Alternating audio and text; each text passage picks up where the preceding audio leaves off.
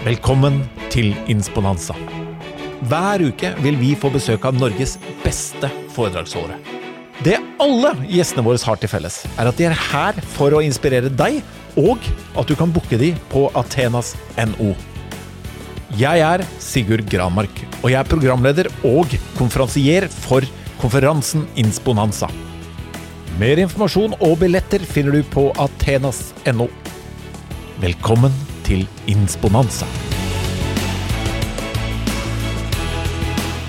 I dagens episode av Insponanza så har vi besøk av en eh, engasjert samfunnsdebattant. Hun er komiker, og hun er forfatter av boken Jenteloven.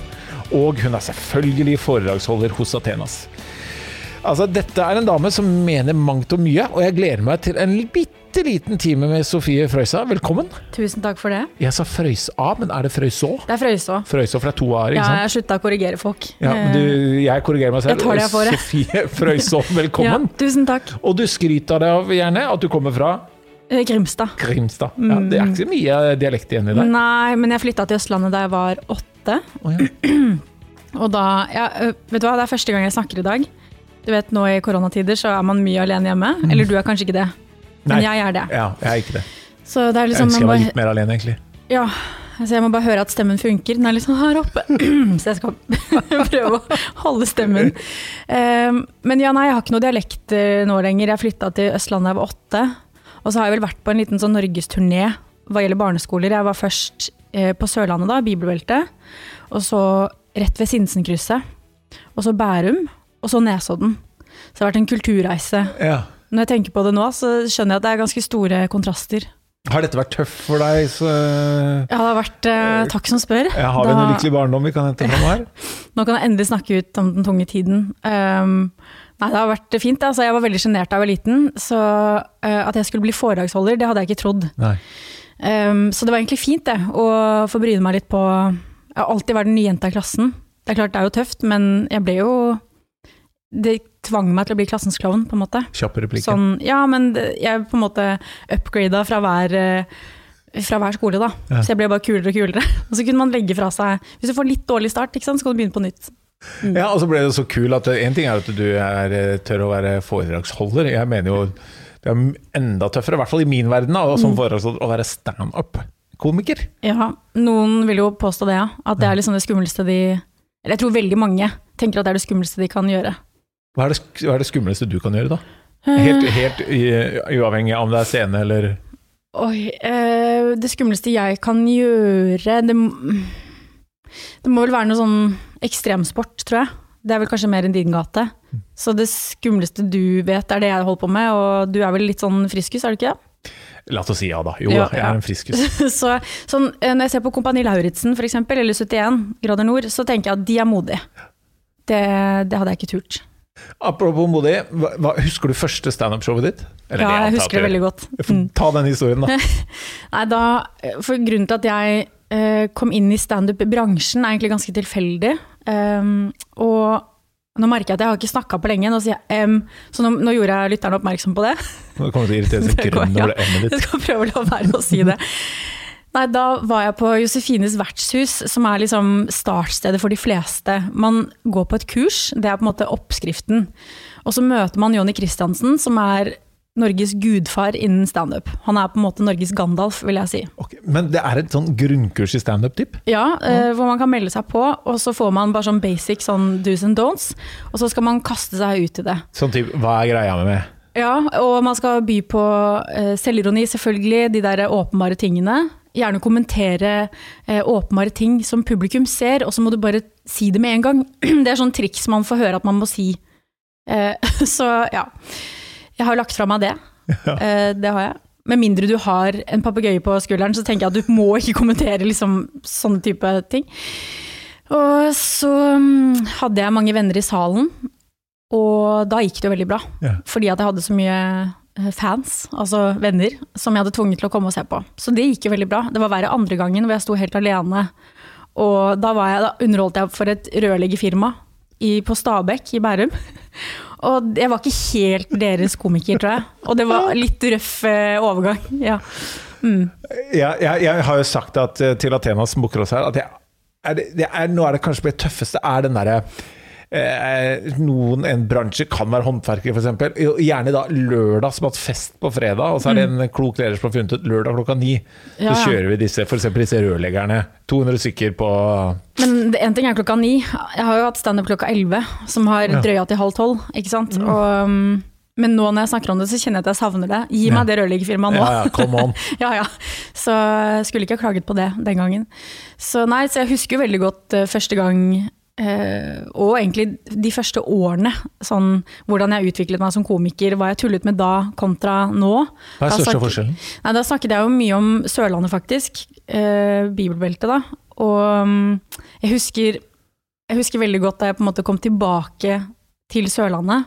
Der har jeg en litt rørende historie, faktisk. Uh, hvor jeg hadde Det var jo lenger ut i karrieren, på en måte, hvis det er lov å kalle det karriere. Rest in peace. Det var jo Kom. før korona, da. Og da eh, hadde jeg solshowet mitt, som heter Ambisiøs og deprimert. Og da har jeg en sekvens i showet hvor jeg snakker om at jeg um, har Tourettes, og at jeg har hatt mye tvangstanker. Hadde mye tvangstanker da jeg var liten. Og så spilte jeg ut eh, en del scenarioer jeg kunne f.eks. kjenne på i familieselskap og sånn, med disse gamle tantene, som er veldig prekte, og det er veldig mange ting man ikke skal si, og mange ting man ikke får lov til å tenke engang. Og så eh, ble i hvert fall jeg oppdratt til å høre at Jesus ser deg. Jesus er med deg hele tiden. Hele tiden. Og det er jo noe liksom, trøstende og koselig for noen, kanskje, men for meg ble det litt sånn, jeg ble litt paranoid av det. Du tok det helt bokstavelig. ja, for jeg kjente sånn Oi, det er ikke alltid det passer like bra, Jesus. Kan du backe off nå? Sånn at eh, jeg spilte ut disse tvangstankene. Eh, jeg satt ofte og tenkte sånn Hva hvis jeg bare reiser meg opp nå og banner, liksom? Hvis jeg, hva hvis jeg sier det styggeste jeg kan se for meg? Og da spilte jeg ut dette, og da var det to litt eldre damer som satt i publikum, som reiste seg opp. Og det var ikke så mange i publikum heller, det var kanskje 150, da. Men de gjorde et nummer ut av det, de reiste seg, så sa jeg sånn Det her går ikke an. Nei, det går ikke an. Og da kjente jeg bare Oi, nå er jeg skikkelig på hjemmebane. Men så er det jo noe med sørlendinger at de er så høflige òg. Så de bare Nei, men vi kan ikke gå heller. Så de satte seg ned. så det ble bare sånn Ja, det ble et, eh, et nydelig øyeblikk der. Så ja. Mm. Men er du troende, da? Nei, jeg er agnostiker, jeg. Ja. Jeg, jeg kan ikke utelukke noen ting. Jeg Nei. tror mennesker er for dumme til å forstå den store sammenhengen, egentlig. Bortsett fra jeg forholder meg til eh, fysikk og vitenskap, og så holder jeg meg heller åpen. Ja, vi vet jo ikke. Men eh, så tok du eh, transaksjonen fra standup. Altså, det er jo noen ganger så tror jeg det vi foredragsholdere driver med, ligner litt på dårlig standup. Det, det, er- det er morsomt, men du kan ikke bruke det til, til så mye. Og så er det noen som er kjempegode, og det, som man kan bruke til noe kanskje evig, som kan gjøre en forandring. Du har et foredrag som heter 'Evig pasient'. Hva handler det om? Det handler om at eh, jeg har hatt seks diagnoser til sammen. Eh, og veien eh, fra å være udiagnostisert og ha det veldig vanskelig, eh, og kjenne på at ok, det er et eller annet gærent, det er noe jeg sliter med, og var, ble veldig, veldig syk i tenårene. Og mamma jobbet eh, døgn rundt for at jeg skulle få hjelp. Og det tok veldig lang tid, så jeg dumpa et år på videregående. Um, og ja, trengte tilrettelagt uh, opplegg på videregående, da. Så det var veldig mye styr rundt meg. Jeg ble på en måte et problembarn. Og det var også litt um, ekstra vanskelig, for jeg hadde vært så flink. Jeg hadde vært en sånn flink pike, som man kaller det. Eh, så det bare rakna helt, og jeg skjønte at liksom jeg, jeg, trengte, jeg trengte hjelp. Da. Og det tok ja, veldig lang tid. Og det, vært, det handler om min reise i helsesystemet, egentlig, for å få eh, hjelp. Da. Og at jeg har hatt seks diagnoser til sammen, men i dag har jeg bare én eh, som er kronisk, og det er Tourettes, da jeg nevnte det i stad. Eh, så foredraget handler om eh, Det er jo et pers pasientperspektiv. Eh, så det er litt sånn eh, tips og triks til deg som er pasient. Eh, hvordan møte systemet. Eh, hva er lurt å tenke på når du er pasient. For man kan bli veldig mm, rådløs og motløs hvis du møter døra flere ganger. Jeg har fått, blitt avvist flere ganger og fått beskjed om at jeg er ikke syk nok. Eh, og da kan man jo spørre seg hva er syk nok? Og man må være ganske frisk for å, hjelpe, for å få hjelp når du er syk. Eh, så det, det er veldig krevende. Og så er det også altså Det passer for de som jobber innenfor helse og jobber med barn og unge også. Hvordan møte barn og unge som trenger ekstra hjelp. Da. Ja, og, og det er det mange som gjør. Mm. Eh, før vi går til barn og unge, som jeg vet du brenner mye for ungdommen, Mm. eh, eh, barn også, men sa du at du må være ganske frisk for å få hjelp når du er syk? Ja. Ah, fortell, Prøv bare å brekke det opp litt. Jeg tenker at um, det krever mye å, å stå i det når du eh, skal inn i det berømte systemet og få hjelp. Eh, og så er det sånn som jeg opplevde, at jeg fikk beskjed om at jeg ikke var syk nok eh, fordi at jeg er ressurssterk. Og det er jo de fleste, altså de fleste mennesker har jo masse ressurser. Så det er et sånt um, Jeg vet ikke om det er uh, en idé vi har om at hvis du er mentalt syk, uh, så skal du være helt nedover telling, på en måte. Uh, Sånn at jeg opplevde det allerede da jeg var altså tenåring, at jeg fikk eh, høre fra hun psykologen jeg hadde da, men du virker jo så flink. Og det er ikke noen motsetning, at du kan både være veldig, ja, kall det flink eller ressurssterk, samtidig som du trenger eh, litt hjelp, da, litt veiledning. Um, så det krever ganske mye, og det, det krever mye å bli trodd. Så det er jo egentlig det det handler om, i størst grad. Å bli tatt på alvor, og at noen ser deg og tror på deg. Da. Sånn at um, Ja, jeg tror at hvis du får mange nok avvisninger, så blir du så syk at du ikke orker å, å gjøre noe. Altså, Ja. Det er jo det som er farlig, og jeg, jeg er litt opptatt av dette med hva For man snakker jo Altså, alt handler om penger, ikke sant? Um, og jeg, jeg lurer på hva er det som koster staten mest, egentlig? Koster det mest å, å ruste opp eh, helsesystemet, sånn at flest mulig får hjelp, eller i verste fall så er det sykemeldinger. Um, altså, I verste fall, absolutt verste fall, er det dødsfall, ikke sant? Mm. Hvis du blir overlatt til deg selv. Og så er jeg opptatt av dette med at en diagnose um, trenger ikke å være så belastet eller så stigmatisert. Det er jo bare Jeg tror mennesker har en tendens til å tenke at mentale diagnoser det er så innmari sånn et stempel du får i panna, liksom. Det, det skal definere deg på noen måte. Eh, Og at det er ikke noe mer hokus pokus enn at hvis du har um, bihulebetennelse, så går du til fastlegen, og så får du den diagnosen. Og så får du medisiner deretter. Men at når det er mentalt, så er det så, det er så høy terskel liksom, å snakke om det eller å behandle det. da. Ja, og når du sier den derre eh, diagnosen, da, den merkelappen som er på det, når, og det blir jo veldig sånn kvantifiserbart når du sier jeg hadde, har hatt seks diagnoser, nå er én igjen som er Tourettes, altså kvitt altså, Er det en sånn en sånn svart-hvitt? Altså, nå er du frisk, men du kan bli dårlig. Altså, det, det virker jo veldig sånn eh, Jeg holder på å si binært, det er sånn nuller og ener. Ja, ja. Frisk, syk. Hva, Ja. Hvordan blir man frisk av en diagnose? Er det målbart? Spørs jo hva det er, selvfølgelig. antar Det spørs jo helt hva det er. Og så tenker jeg at um, jeg vet jo ikke Poenget med å sette en diagnose er jo å få hjelp og riktig behandling. Uh, sånn at det kan godt være at jeg får to diagnoser til i løpet av livet, ikke sant. Eller ingen. Um, men hele poenget er jo å sette en diagnose sånn at da har du rett til hjelp, og kategorisere hva er det dette handler om. Ehm, og jeg tror jo ikke det er, det er jo litt sånn at jeg får liksom ofte høre at jeg er så modig hvis jeg snakker om mental helse. da. At jeg er modig som tør å innrømme at livet kan være et helvete iblant. Men jeg tenker at det er ganske modig å påstå noe annet. Og man snakker gjerne om ja, den tunge tiden. Jeg tuller litt med det, at veldig mange kjendiser snakker ut om den tunge tiden. Eh, som om det er noe som har vært, og sånn sånn. Da var vi ferdig med det. Ja. Altså, livet går jo opp og ned. Altså, breaking news, men det gjør det jo. Eh, så jeg tror ikke vi skal Det er ikke noe motsetning. Eh, jeg tror ikke vi skal lage et så stort skille. Eh, så, så det er jo også bare å vise til at ja, jeg har hatt noen diagnoser, men jeg har jobbet meg gjennom det, og nå er jeg her. Og hva skulle til for at jeg kom meg hit? Ja.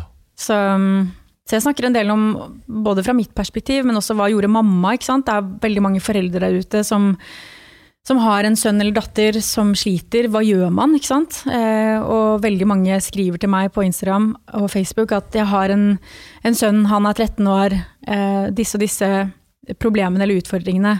Hvordan burde jeg gå fram? Og da er jo jeg selvfølgelig eh, veldig på påpeke at jeg er ikke noen fagperson. Altså, jeg er pedagog, jeg er utdannet lærer, men jeg, har jo ikke, jeg er jo ikke lege. Men kun fra et pasientperspektiv og som et medmenneske. Sånn, Ja. hva, ja, hva var det mamma gjorde som funka, og hva, hva har jeg fått til sjæl? Og her tror jeg eh, næringslivet det, sitter uendelig mange som har et eh, privatliv som påvirker, eh, påvirker deres arbeidsliv. Og når du sier den foreldrerollen, jeg har jo kjent på det. Eh, Vi har en datter som har, jeg har vært åpen med det i tidligere episode, hatt eh, sine utfordringer.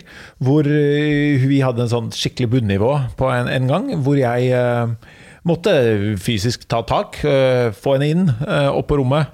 Eh, og Så i hvert fall vi fortalte denne historien. Og det endte jo da med, siden jeg hadde fysisk fått henne inn på rommet, så måtte jeg tok den familieterapeuten og kontakta barnevernet. Og hvor jeg måtte til foreldreegnethet-kartlegging. Okay. Ja da, Og hadde full eh, sak med barnevernet, og de skulle komme hjem og se på barna leke. Eh, jeg er jo da 16 år, da. Det sitter liksom ikke og leker i stua. Nei, men jeg måtte til samtaler, og, og fikk et sak på meg i barnevernet som er veldig vanskelig. Og, og, og man begynte, Jeg var jo da fotballtrener, hadde vært skitrener, de begynte å ta kontakt med idrettsforeningen. Hvordan er han derre Sigurd? Mm. Så plutselig ble jeg sånn der, begynte å sjekke min Og det er rett og slett for at jeg valgte å være ærlig med vår mm. situasjon inn så det er jo veldig mange Den foreldrerollen her er kjempevanskelig. Mm. En, det, hun dama sa heldigvis etter første samtalen Jeg skjønner ikke hva du gjør her.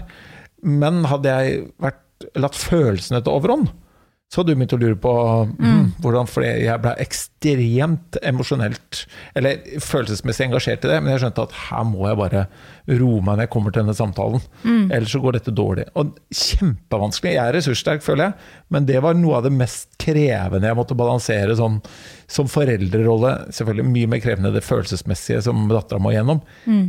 Men det viser hvor vanskelig det er da, med hva skal man si når man møter dette såkalte systemet, som du sier. Mm. Det høres jo veldig utfordrende ut, eh, det du opplevde der. Og det er jo et minefelt, fordi man ønsker jo det beste for barna. Mm. Og så er det jo sikkert vanskelig også å være pedagogisk når det brenner på dass. Altså, eh, hele videregående så, så var det en sånn kamp hver morgen hvor mamma ja, vekket meg, prøvde alt hun kunne for å få meg til å gå på skolen. Og vi begge gråt sant, om morgenen, og jeg ga opp. Og da ble hun jo helt sånn Men hva skal jeg gjøre? Hva er, det, hva er det som skal til her? Jeg har prøvd alt jeg kan. Og vi fikk jo et kriseteam hjem til oss, ikke sant. Og det var, det var ofte sånn eh, kortvarige møter eh, hvor til slutt så ble altså, Mamma gjorde noe ganske sånn utradisjonelt da, første klasse videregående. Så, for jeg gikk jo ikke på skolen, og jeg mistet jo mer og mer vurdering, og det er jo det det handler om. ikke sant? Du skal komme deg gjennom og få nok eh, noteringer og karakterer og sånt. Og da tok hun meg rett og slett ut av skolen. Hun sa bare at nå, nå er det bedre at vi bare slutter nå, og så starter vi på fresh. Nå får du fra mai til august. Og da bestilte hun eh, og min bonusmamma eh, Da bestilte de tur til Bulgaria, av alle steder. Det var sånn, Nå må vi bare dra på en ferie. Komme oss vekk. Så mange ville jo sikkert eh, Tipper at noen ville sikkert sagt at ja, det var Skulle du bare gi opp på den måten, ikke sant? Skal du bare ta ut dattera di mm. fra skolen, er det noe mm. lurt? Men hun så ikke noe annen utvei. Hun var bare ok, men da må vi bare tenke nytt. Sånn at det er jo Jeg kan se for meg, nå har ikke jeg barn, men jeg kan se for meg at um, det må være ekstremt utfordrende når du er forelder og ser at barnet ditt sliter, og så vet du ikke hva du skal gjøre. Og hvis du ber om hjelp og du ikke får hjelp, hva gjør du da? Ja, og det er derfor jeg eh, brenner for det du snakker om nå. Fordi eh, de som booker foredragsholdere, eh, har en tendens til å fokusere veldig mye på det profesjonelle livet. Mm. Men 100 av eh, de som sitter der, har et privatliv som de tar med seg på jobb. Og veldig mange av de har barn. Mm. Så jeg håper at man ser den måten på å kommunisere med sine ansatte. Og, mm. derfor, og jeg sa det til deg før vi startet, at jeg syns det evig pasient-navnet på det foredraget mm. synes jeg er så det treffer meg spot on. Da. Og det å være åpen med det, både på de man har hjemme, og også med tanker til om man er pasient for at man har sin utfordring, eller hva man kaller det. Mm. Men det er veldig avvæpnende i forhold til at vi mange sliter med nå, og vi sliter gjerne over tid. Ikke sant. Og jeg er jo sånn sett evig pasient fordi jeg har en diagnose som er kronisk og veldig eh, stigmatisert. Ja. Altså Tourettes er Tourettes. jo en eh, Men Hvordan merker man det på deg? Jeg har ikke merket det ennå. Nei, det er jo en, eh, en, diagnose med mange Det er veldig mange fordommer eh, og ditto manglende kunnskap om, da. Og Tourettes er en eh, sammensetning av vokale og motoriske tics, så du må okay. ha begge deler da, for å ha Tourettes. Eh, og når man tenker på Tourettes, så tenker man gjerne at du banner i tide og utide. Og ja, mest i utide, da, åpenbart. og at um, det er veldig voldsomme bevegelser. Og det er jo noen som har det, men det er jo flere med Tourettes som har tics hvor man ikke nødvendigvis må si bestemte ord. Ja. Altså jeg har sånn at jeg anstrenger pusten, eller kremter f.eks. Nå har jeg gjort det mye, men det var for å renske stemmen. Bare si det at jeg Ja, det har ikke vært tics så langt. Jeg har også lært meg, som er veldig vanlig jo eldre du blir, at man kan undertrykke tics over en viss periode. Og jeg pleier å sammenligne med Det er jo en øh, fin sammenligning, da. Veldig sånn akademisk, da, men at det er litt som å tisse. At du klarer å holde deg ganske lenge, bare at når du først tisser da, så tisser du jo ekstra mye. Takk for meg. Ja. Nei, men at det er um, Så det blir litt kremting når du kommer hjem noen ganger? Ja, ja. Og da, ja så, så, det blir jo mer tics når jeg kommer uh, og er alene, liksom. Når jeg kommer hjem for dagen, da.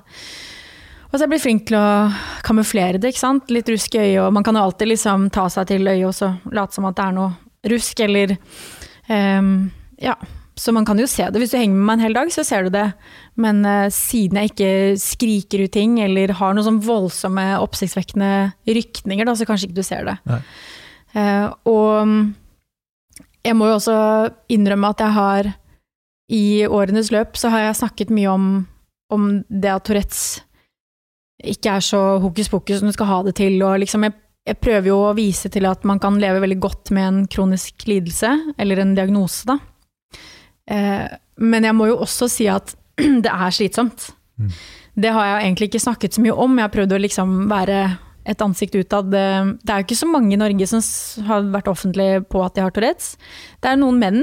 Det er jo Tix da, som har tatt patent på, ja, ja. på, på det å ha Tix. Så hver gang jeg sier Tix, så tenker jeg på Tix, og nå er sikkert årets navn i VG 2021, vil jeg tro. Ja, absolutt. Um, så jeg jeg syns også det er fint å, å, kunne prate om det og ha humor på det. Jeg kødder masse om det i standupen min ikke sant?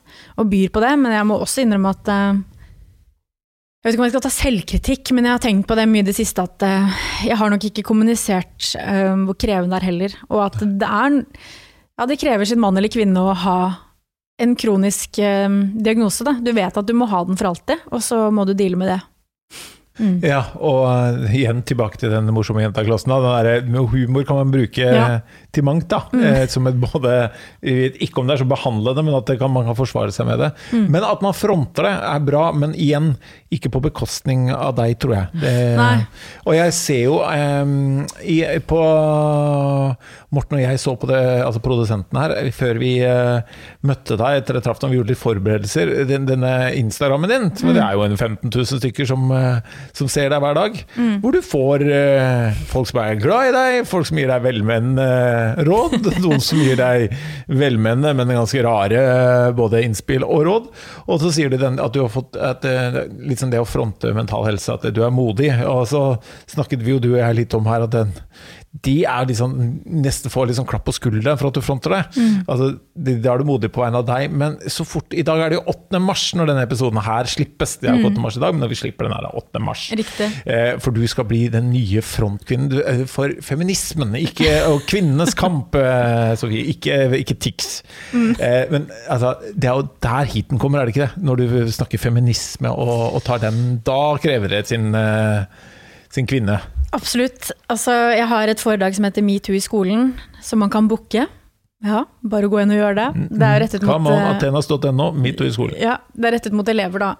Hvor um, jeg snakker om at eh, metoo er ikke bare noe som potensielt skjer deg i arbeidslivet langt der fram i tid, det er noe som starter allerede når vi er barn. Og at metoo foregår i skolegården, etter skolen, i klasserommet og at eh, barn og unge i dag møter på utfordringer som ikke du eller jeg møtte på da vi gikk på skolen. Jeg fikk eh, Facebook eh, i 2017, så da var jeg 18 år. Men barn og unge vokser jo opp med internett og dette med digital seksualitet og, og digital trakassering er jo et ytterligere møtepunkt, eller en, et minefelt. Da. Det er jo så uoversiktlig og ja, det er fortsatt ganske nytt. Et Hva nytt fenomen. Hva legger du i digital seksualitet? Nei, at det er Det er um, For det første, det er jo så mye. Det er jo en overskrift. Men det er jo hvor barn møter på uh, dette med sex. Og, og vi, snakker, uh, vi snakker om hvor viktig det er med grensesetting for barn og unge. Men internett er jo grenseløst. Mm. Og norsk ungdom er de som ser mest porno av barn og unge i Europa. Oi. Og det stedet barn og unge ser mest porno, er på skolen. Eh, så Sant? Ja. Så det er jo åpenbart eh, en utfordring der at barn og unge ofte blir overlatt til seg selv. Og jeg Er det noe du øh, typ, påstår, eller har du noe belegg for Nei, å si det? Nei, jeg har belegg for å si det. Ja, Ja. Eh, og at det er så mange eksempler vi ser hvor, eh, hvor det er nye fenomener vi ikke har forholdt oss til tidligere. Det er jo snakk om hevnporno f.eks. Eh, nå er jeg veldig glad for at vi har begynt å snakke om at vi bør endre det begrepet. Fordi hevn er jo noe du utøver mot noen som har gjort deg en urett, eller at du, du skal hevne deg ikke sant? for at du har gjort noe gærent, eller at noen har tatt deg for det. Da. Men det å spre nakenbilder eh, mot din vilje er jo ikke Det er ikke noe hevn inni her. Nei. Det er jo bare seksuell trakassering og et overgrep. Um, ja, så, så det er Dette med trakassering er viktig å prate om med barn og unge fra de er små. Uh, snakke om grenser, snakke om eh, sunn seksualitet, og at seksualundervisning er veldig, veldig viktig. Eh, I det foredraget snakker jeg også om kjønnsroller og sexisme, altså hvordan vi oppdrar barn ut ifra noen forventninger vi har om kjønn, som er veldig tydelige og, og nesten på sitt verste når vi er små. Altså, det er jo forventninger knyttet til kjønn allerede før vi er født, med baby showers. Hva slags kjønn er det? Er det rosa eller blått? Er det søtt eller er det tøft? Og, mm, I den boka du henviste til, 'Jenteloven', så viser vi til en forskning som viser at eh, gutter blir oftere komplimentert for egenskaper, eh, der jenter oftere blir komplimentert for utseende. Sånn, så søt du er, og, og så fin, ikke sant? mens en gutt er liksom tøff og flink. og Eh, Og det tror jeg er skadelig, eh, når vi har så trange båser for hva det vil si å være en riktig gutt, og hva det vil si å være en riktig jente. Eh, Men tilbake til spørsmålet ditt, så, så opplever jeg at når jeg snakker om likestilling, eller feminisme, da, som jo feminisme betyr, likestilling, så får jeg masse dritt. Og da er det veldig ofte innboks eh, godt voksne menn, eller eh, 16 år gamle gutter, som eh, kommer med masse skjellsord. Typisk sånn herre Ja, vi trenger jo ikke feminisme i Norge, vi har jo likestilling, eh, din også insert et eller annet skjellsord.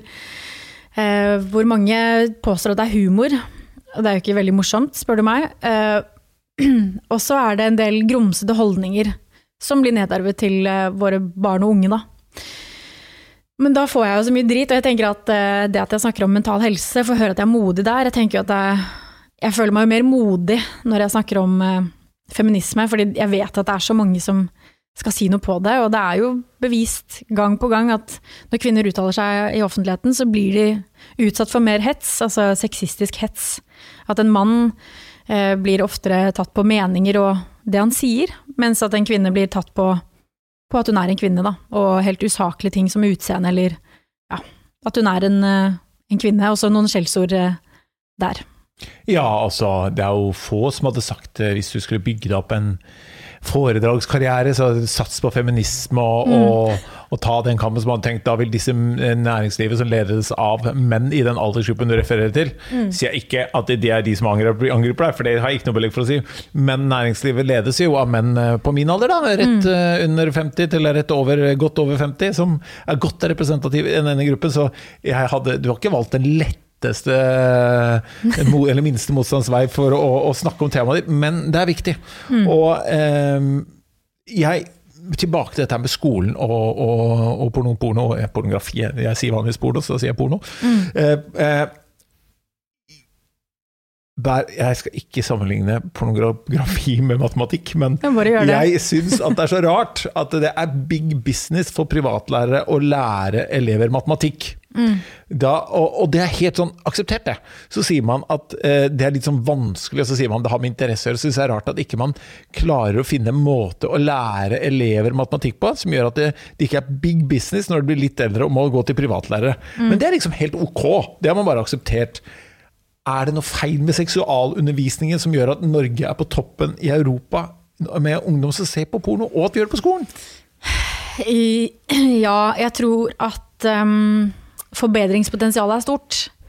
Jeg tror Det var mye, sagt, da. Ja, men jeg tror mye av problemet er at um, Hvis det oppstår en klasseromsituasjon Jeg har jo jobbet i skolen og er jo utdannet lærer, da. um, så tror jeg mange av problemene oppstår hvis vi, La oss si at det er eh, noen elever da, som sitter og ser på porno i klasserommet, og det er tøys og tull. og og sånn, og så ser læreren dette, så tror jeg veldig mange har en sånn ryggmargrefleks på å bare lukke igjen den PC-en. Og sånn, ja, men det der har vi ikke tid til nå. Eh, og nå blir jeg litt sånn skolepolitisk, da, men jeg, jeg tror mye av problemet med den norske skolen er at den er veldig målstyrt. Vi er veldig opptatt av resultater og ferdigheter, som er bra, men det må ikke gå på bekostning av eh, mental helse eller eh, dannelse, som er et av de viktigste aspektene ved, ved, lærerutdannelsen også. Vi snakker mye om dannelse, men hvordan gjør vi det? Og jeg mener jo at fra et lærerperspektiv at de viktigste, mest dannende situasjonene som oppstår i et klasserom, er de hvor du får en gyllen anledning til å ta en klasseromsamtale.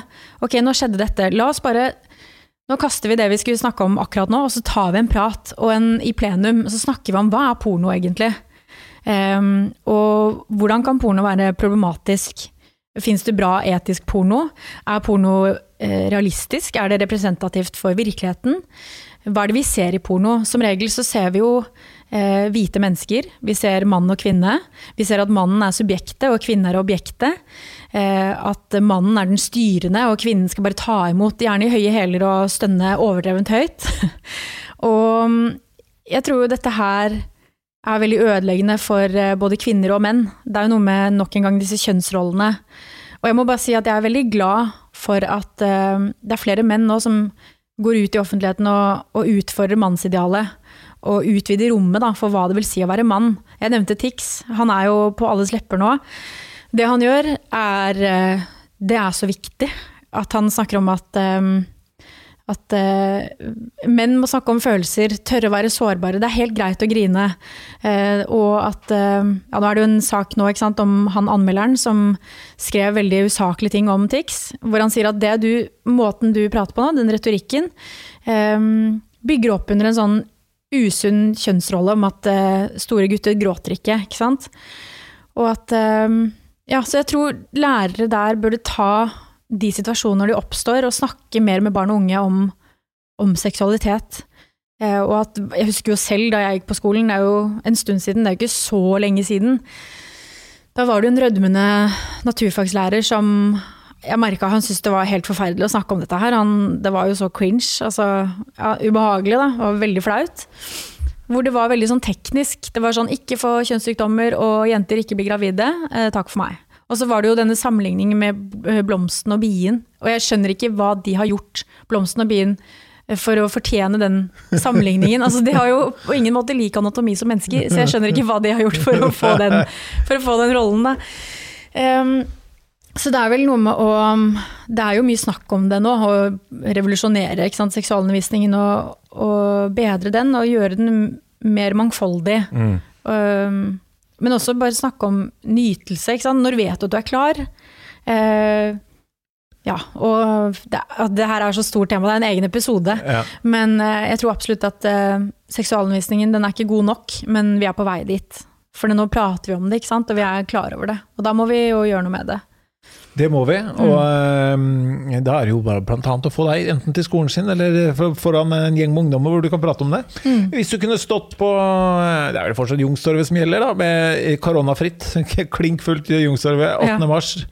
Som er i dag, La oss si det er i dag, og du kan snakke for om én ting. Mm. Og du kan, du kan få, jeg kan utfordre deg på du kan få snakke for én ting, mm. eller om én ting, til en bestemt målgruppe som du fyller Youngstorget med. Hvem, hva er tingen, og hvem står der?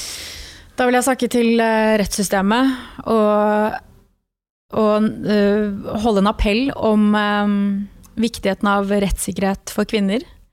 Vold mot kvinner er et kjempeproblem. Og at uh, straffen for å utøve vold mot kvinner er så lav at det er pinlig. Det er et hån mot kvinner. Har du noen tall her? Jeg, jeg, har litt dårlig oversikt over det. det jeg har noen tall, hvis du ja. vil uh, Jeg vil veldig gjerne ha det med. Gi meg litt tid. Så Gir deg litt tid til å finne Fordi det blir litt sånn Det her tror jeg er en sånn blindside når du sier det. Jeg eh, føler meg gjengs opplyst, eller sånn middels opplyst om ting. For det første så tenker jeg at uh, vi kan jo være navlebeskuende og snakke om Norge. Uh, og, og, det må jeg også bare si at når vi snakker om feminisme, så er det veldig mange som sier at vi trenger ikke feminisme fordi vi har likestilling i Norge på papiret. Jeg er jo uenig i det. Eh, samtidig som man ikke trenger å være navlebeskuende. Det er jo et internasjonalt problem, og at det går an å se ut. Eh, ja, fordi Altså, nå har jeg noen tall her. Kom an. Altså, hver eneste dag utsettes kvinner og jenter for vold. Det skjer i krig og konflikt, i nærmiljøet og lokalsamfunnet, i familien og nære relasjoner. Dette er fra Amnesty. Og kjønnslemlestelse av jenter og kvinner er forbudt nesten overalt, men likevel blir tre millioner jenter lemlestet hvert år. Minst 200 millioner jenter og kvinner som lever i dag, er kjønnslemlestet. Dette er fra Unicef, en undersøkelse fra 2018. Og kvinner og jenter utgjør over 70% av ofre for menneskehandel. Tre fjerdedeler av dem blir solgt som sexslaver.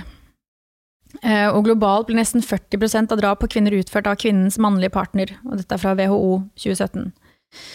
Og i Norge, da, så har hver fjerde kvinne blitt utsatt for en eller annen form for vold eller trusler om vold. Dette er fra vold- og overgrepslinjen. Og én av ti norske kvinner har blitt utsatt for voldtekt. Dette er fra NKS. Én av ti? Én av ti norske kvinner har blitt utsatt for voldtekt. Så jeg tenker jo at det her er jo mange tall som vi kan slå i bordet med, som er urovekkende. Og jeg tenker i hvert fall nå i, i pandemien at det er um, det er helt forferdelig hvor mange som nå er eh, innestengt med, med overgriperen sin. Og det gjelder jo også barn og unge sant, som blir utsatt for eh, fysisk og psykisk vold. Jeg, jeg, brenner veldig for å snakke mer om det. det jeg er brennende opptatt av å, å, prate om tabuer generelt, men dette her er et tabu spesielt som jeg syns vi skal snakke mer om, og som, der vi som samfunn svikter, da. La oss gjøre det nå. Ja, så det er fint at vi kan eh, snakke om det nå. Fordi um, jeg tror det er eh, mangelfull kunnskap om hva er fysisk og psykisk vold. Uh, og det gjør nok at mange mm, ikke nødvendigvis vet at de er utsatt for det. Uh, F.eks. psykisk vold eller latent vold. Veldig mange blir utsatt for dette av partner eller omsorgspersoner. Um, og så er det jo sånn at terskelen for å oppsøke hjelp er, den er høy, og ofte det er vanskelig, fordi at det er jo en sånn klisjé, ikke sant. Hvis noen kommer seg ut av et uh, voldelig forhold, så sier man jo gjerne sånn 'hvorfor gikk du ikke før', eller 'hvorfor sa du ikke noe'? Og da er det en kjensgjerning at for veldig mange så er det så risikabelt. Det kan faktisk være uh, er lik døden hvis du sier ifra, fordi at de truslene øker, ikke sant. Hvis du sier dette til noen, så dreper jeg det. Så ja, jeg, jeg tenker at det er, dette med rettssikkerhet for kvinner er liksom det det er kanskje den saken jeg brenner mest for, og som jeg kjenner at det haster mest, for det er snakk om liv og død. Er det noe folk kan gjøre, støtte? Er det, hva, hva, hva, er din oppfordring til Det man kan gjøre, er at man kan gå inn på Amnesty og, og lese seg opp. Man kan gå inn på VO-linjen og lese seg opp. VO-linjen hadde en kampanje hvor, eh, nå, eh, tidligere i år hvor man kunne henge opp plakater i oppgangen Eh, naboplikt heter den kampanjen. Og at vi alle har naboplikt. Hvis vi hører at naboen, at vi hører ulyder derfra, så burde det være lavterskel å si ifra. Um, så det er noe man helt konkret kan gjøre. Uh, og så er det jo sånn at uh, jo mer vi vet, jo lettere er det kanskje å, å ta tak i dette, da. Som samfunn. Mm. Og eh, det er litt sånn igjen perspektiver, da. Veldig mange som uh, lytter til denne her, er jo yrkesaktive. Mm. Uh, I en eller annen sammenheng er de kanskje ledere, eller de har et hjemmekontor. Og det er jo det som igjen perspektiver på store debatten i næringslivet er jo nå hjemmekontor, og vi har det tøft på hjemmekontor, men det er jo mange hvor hele problemet er at de må være hjemme. Ja. Hvem de er hjemme sammen med. Ikke at det er et Riktig. kontor, men de trenger faktisk å komme seg vekk fra hjemmet. Ja. Og det er jo taperne. Absolutt. Barn, noen da, barn hvor skolen eller den uh, idretten og den aktiviteten de har utenfor hjemmet, er selve redningsplanken i en mm. hverdag, da, som mm. nå, nå, nå, er innelåst med det største problemet de har i verden. Riktig. Mm. Um, takk for det. det du, jeg skulle stått der, jeg. Jeg er ikke i rettssystemet, men jeg skulle møtt opp på Youngstorget der og, og, stått ved siden av. Jeg tror vi trenger, vi trenger å bli mer opplyst om dette. Mm. Det gjør vi. Um, vi, litt sånn bare, Jeg må bare riste dette av. Vi må mm. riste dette litt av, for det gjør litt vondt også. Ja, det gjør det. det. Ja, det er ubehagelig. Eh, hvis du jeg vet ikke om du klarer å påvirke outcomet på det du snakker om nå, men hvis du kunne gått tilbake i verdenshistorien og endret på noe, en eller annen svær hendelse, stor hendelse, som du kunne sagt at 'jeg gjør det', mm. så resultatet blir sånn og ikke sånn. Det var et voldsomt hopp, eh, må jeg si. Jeg trengte et lite skifte. For jeg, det, jeg, jeg, jeg, tror ikke jeg flykter, men ha, det, det, er ganske ubehagelig å stå i det temaet vi gjorde det så lenge som vi gjorde det nå. Så la oss uh, lufte lite litt. Grann. Hvis det er noe jeg kunne endret? Ja, Et eller annet i verdenshistorien du kunne endret på. Så Oi, et veldig oi, oi. typisk svar er eh, at eh, foreldrene til Adolf Hitler ikke hadde Ja, ikke sex, eller at Trump ikke ble født, eller Ja, At men det hadde vært noen andre i stedet. Eh? Eh, hvis jeg skulle endret noe Eller så kan du velge noe du ville overvært. Noe ville du. Noe jeg overvært, det, det er lettere å svare på, egentlig. Ja, fordi det det. er jo så mange det er jo så mange fuckups gjennom eh, historien, hvor historien også bare gjentar seg. ikke sant? Så man kan jo si at det var bra at det skjedde, for da lærte vi av det. Og så går vi noen skritt tilbake, men så går vi litt fram, og sånn går nå dagene. For det er jo lett å si, hvis det er noe jeg skulle endret, så er det jo kanskje eh, Altså hvordan Norge ble Hvis jeg skal tenke nå i Norge, da. Hvordan vi ble tvangskristnet, eh, og at det var et sånn overvåkingssamfunn eh, hvor eh, alt handlet om å være en lydig samfunnsborger, da. Og at, apropos sex, du fikk jo ikke lov til å ha sex engang. Det var jo på gitte dager i løpet av uka at du fikk lov, og det Var veldig, sånn, veldig strengt, da. Ja. Men jeg vet ikke om hvis ikke det hadde skjedd, så sikkert noe annet dritt hadde skjedd, da. Men eh, hvis jeg kunne overvært noe, så det er to, Jeg tenker på to hendelser, eller to epoker, da.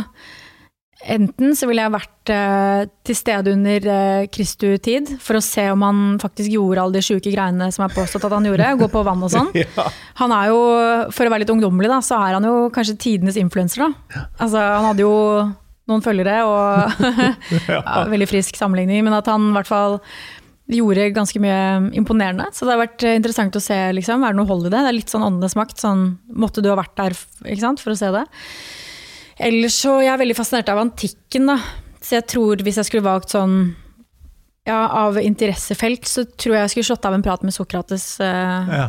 Og Platon. har bare vært under antikken og sett Ja. liksom, den Platon, tiden. var det eleven, eller Ja. Ja, Sokra- Platon var eleven til Sokrates? Ja, ikke sant? Og så Ja. var det Aristoteles var eh, ja. eleven til Platon igjen. Da. Yes. Så de tre store. Ja. Så det, eh, det hadde vært skikkelig gøy å være der og ta en eh, prat med Sokrates. Gjerne før han fikk det giftbegeret, og liksom høre hva er det du har sagt da, som er så provoserende at du må dø. Og, og ha noen filosofiske samtaler med han. Før vi går til Sokrates, det du sa om eh, faktisk om Jesus, eh, altså Tines influenser Jeg, jeg syns det var en bra sammenligning. Ja. Eh, eh, men jeg, synes det, jeg er forundret at ikke flere har sagt det før. At det er jo kanskje det største spørsmålet vi har, bortsett fra hvorfor jeg er her. Mm. Da kunne man jo fått svar på det. Mm. Ja. Men andre, hvis vi går til Sokrates da, og litt greske filosofer og sånn Du kan dra, vi kan holde på lenge her. Men hva fascinerer deg med Sokrates? Hvorfor akkurat Sokrates? Jeg har, hatt, Eh, eh, jeg har hatt en greie for antikken helt siden jeg var liten og leste Sofies verden. ja, eh, Mhm. samme her, altså. Ja, elsker den boka. Har lest den eh, flere ganger. Og, og hatt en fascinasjon for, eh, for antikken ja, siden jeg var liten. Da. Og det er jo dette med de store tenkerne, ikke sant. De, disse filosofiske tankene som er like aktuelle i dag. Ja. Hvor man utfordrer eh, det etablerte. Og? Han stilte jo mange store spørsmål, og sofistene ble jo så provosert at de tok livet av han. da. Mm. Og for å være litt filosofisk, så tror jeg jo at Platons hulelignelse Jeg vet ikke om du kjenner til den? Eh, jo, absolutt, men for del den med oss. Den er jo egentlig svaret på alt. Eller sånn, Ja. den Ja, som sagt, det gjentar seg, da. Og den går jo egentlig bare ut på han Det er en lignelse hvor, eh, hvor det er noen eh, huleboere som har sittet i denne hulen hele sitt liv, og alt de ser er et skyggespill fra Altså, de har et bål foran seg, og alt de ser er skyggespill på fjellveggen av det som skjer utenfra. Dette er deres virkelighet, og en dag så er det en av disse huleboerne som kommer seg løs, som går ut av hulen og går ut i verden, og han blir jo helt lamslått av alle farger, av lyset, alt han ser, naturen. Og han blir jo så opprømt at han løper tilbake til de andre huleboerne og sier 'jeg har sett verden, jeg har sett hva som fins der ute'. Dette er helt fantastisk, dere må komme ut og se. Alt vi har sett er bare dårlig skyggespill, etterligninger av virkeligheten, da. Og da blir jo de andre så provoserte at de slår han i hjel. Og dette er jo Det ser vi jo hele tiden, Mm. at, uh, at uh, folk er uenige i hva som er sannheten. Hva er, det, hva er virkeligheten? Så det er jo litt sånn ergerlig å tenke på at ja, de hadde jo egentlig svaret, da. 300 år før Kristus. Og fortsatt sitter vi her dumme som brød og, og gjør de samme feilene gang på gang. Og du nevnte Trump. Ja. What a time to be alive. Det er, eh, ja, det er jo mer og mer hulelignelsen i kommentarfeltet, mer og mer polarisert. Så det er jo bare hulelignelsen eh, overalt. Ja, og som du sa, historien gjentar seg. Mm. Det som kanskje har blitt litt nytt, er at vi jakter ikke på en sannhet lenger. Vi jakter bare på en, eh, en form for en oppfatning som vi klarer å plassere hos folk. Så, eh, og det syns jeg har vært en skremmende utvikling, helt fra det sier til eh, fra denne til helt til Trump. da. Historien gjentar seg. bare det er Enda sterkere nå så er det vi er, Man er ikke så opptatt av om det er rett lenger engang, om, mm. om det stemmer. Det er bare at man skal få plantet en overbevisning som passer med det virkemidlet man trenger for å nå et mål. da. Samtidig som jeg tror også det handler om eh, hva som er sannhet for deg. Ikke sant? Ja. Hvis man ser litt sånn ja, filosofisk på det, så er det jo dette med fake news, eh, forskning. Det var bra du spurte i stad, har du noe tall på det du hevder?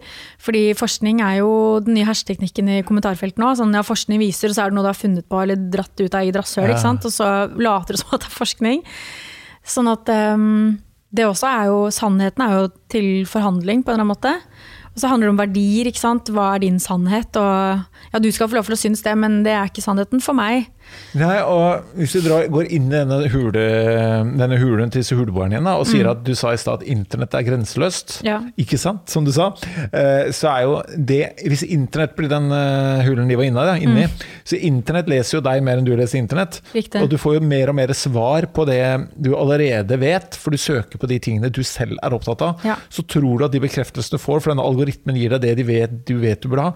Så da blir vi enda mer innelukka. Vi skaper enda mer konflikter, barrierer og motstand mot de andre, for vi blir overbevist. Jeg har vel sagt det her før, men vi blir så overbevist om at det vi, rett, det vi mener er rett, at plutselig så ser du liksom bestemor og bestefaren din løpende inn på Capitol Hill og skal inn i Kongressen, liksom. Ja, ja. Hva skjedde? Jo, fordi det, de er mer, det her er vår sannhet. Det er vårt ekkokammer, ikke Ja, sant? Eller og det er den hulen igjen. Ja, det blir vår hule. Og så klubber vi ned de som ikke er enige, og gjerne en kongressmann, eller i tilfelle her nesten visepresidenten. Ja, de var jo huleboere, kan man vel si. Ja, Altså, abs absolutt. Kledd ut sånn nå, til og med. Ja, ja. ja kledd ut som eh, den der. Platon hadde jo Han var jo eh, Ja. Han må jo bare vri seg i grava, liksom. Bare, så der var det jeg sa. Det der kan du skrive en passasje fra hulebord ja, til eh, Kongressen. Fra Plato til Kongressen. Mm. For det første, jeg elsker når foredragsholdere kan argumentere for det de sier, når de går og henter underlag. De, eh, dette jeg koser meg veldig. Skal, vi skal passe på tiden, jeg ser at det lyser rødt. eh, men eh, vi, vi tar oss litt tid hvis du har tid. Jeg har tid. Eh, jeg, eh, jeg vil at du skal bruke litt tid nå på å Athenas har jo 300 foredragsholdere. Mm, ja, det er eh, veldig mange. Veldig mange. Og øh, jeg tror de aller fleste er bra. Mm. Eh, noen er bedre enn andre. Eh, og eh, sånn er det jo med alt. Men det man må kunne, Ja, det er din sannhet, da. Ikke det er sant? min sannhet. Jeg tror det er rart hvis alle er like gode. Kanskje vi er gode på hver vår ja måte. da, vi er nok det. Og Ja. det er veldig, eh, veldig hyggelig hvis alle er det. Jeg tror at noen er bedre enn andre, eh, uten å nevne navn eller noen ting på det. Men vi må kunne argumentere for det. Mm. Hvorfor skal et selskap eh, ringe og si hun der er Sofie Frøyså med to a-er, hun vil vi ha. Åh, ja, nå skal jeg inn i selgerrollen. Ja, det må du. Mm. Ja, hvis du jobber eh, med barn og unge eh, i skolen, så syns jeg du skal eh, få meg inn i klasserommet, der jeg eh, trives godt, eh, og, og ta meg inn, for jeg, jeg tror virkelig at eh, skolen har godt av å ta inn flere eksterne. Eh, for å belyse det kanskje ikke skolen snakker nok om, da. Eh, og ta en ordentlig prat med elevene om eh, grensesetting, om eh, sexisme, om likestilling. Ehm, så det, ja, hvis du jobber i skolen, så syns jeg du skal eh, få meg inn der. Ofte fordi skolen ikke har tid, påstås det. Så da kan jeg gjøre det for deg. Jeg kan ta en for laget. Mm. Og hvis du jobber eh, innen helse, eller er pårørende, eller selv har eh, ja, psykiske problemer, så Altså en arbeidsplass. En arbeidsplass, ja. Altså, det, det finner du på enhver arbeidsplass. Yes, så kan jeg komme inn og snakke om å ufarliggjøre mental helse. Og brekke det litt ned. Og gå gjennom noen myter og noen klisjeer, ikke sant. Og så tenker jeg at, For jeg har sammen med en som heter eh, Benjamin Silseth, som er eh, psykolog, vi har noe som heter Tabukveld. Hvor vi, eh, vi tar for oss et tabubelagt emne, har en gjest, og så har vi en time hvor vi prater om dette emnet, da. Hva er spar-esset i tabubelagte emner? Hva er liksom det, det kroneksempelet du kan si som flest kjenner seg igjen i? Åh, ja, men det er jo, vi har hatt så mye vi har, alt, vi har hatt alt fra utroskap til døden til eh, å være oppvokst i et strengt religiøst miljø, til plastisk kirurgi, Ja, okay. til ja. ensomhet. Ja. Men jeg tenker i arbeidslivet så er det veldig mange tabubelagte tem temaer som man ikke snakker nok om, da. Eh, derav tabu. Men at f.eks. Um, hierarki, maktmisbruk, eh, sykemelding, baksnakking. Altså hvordan er arbeidsmiljøet, da. Og jeg skulle gjerne sett at flere arbeidsgivere eller sjefer da, tok eh, ansvar der og bare ok, men nå er vi helt transparente. Nå, nå, bare, nå tar vi tak i det. Dette er et problem på vår arbeidsplass, men nå skal vi ha en, eh, en god samtale om dette. Og da kan jo Benjamin og jeg komme inn, jeg styrer samtalen, Benjamin er psykolog. Og da kan man enten få inn en ekstern gjest som snakker om det, eller en fra arbeidsplassen. Så man tar praten. Ja, en kollektiv terapitime, rett og slett. Nå selger du litt her. Ja, ja, ja. Ja, Så det bra. trenger alle. Hvis du påstår at de ikke har problemer på arbeidsplassen, da har du et problem. Ja, da skal du i hvert fall ringe. si. Tusen takk for at du både er åpen, at du belyser de. Og jeg må innrømme, altså, jeg eh, ser på meg selv som robust, men eh, disse idiota og de som ikke har bedre ting til å gjøre enn eh, å kjempe mot deg, den kampen du kjemper, som eh, er på Instagram, jeg hyller deg for at du både outer de og, og virkelig tar kamp med dem.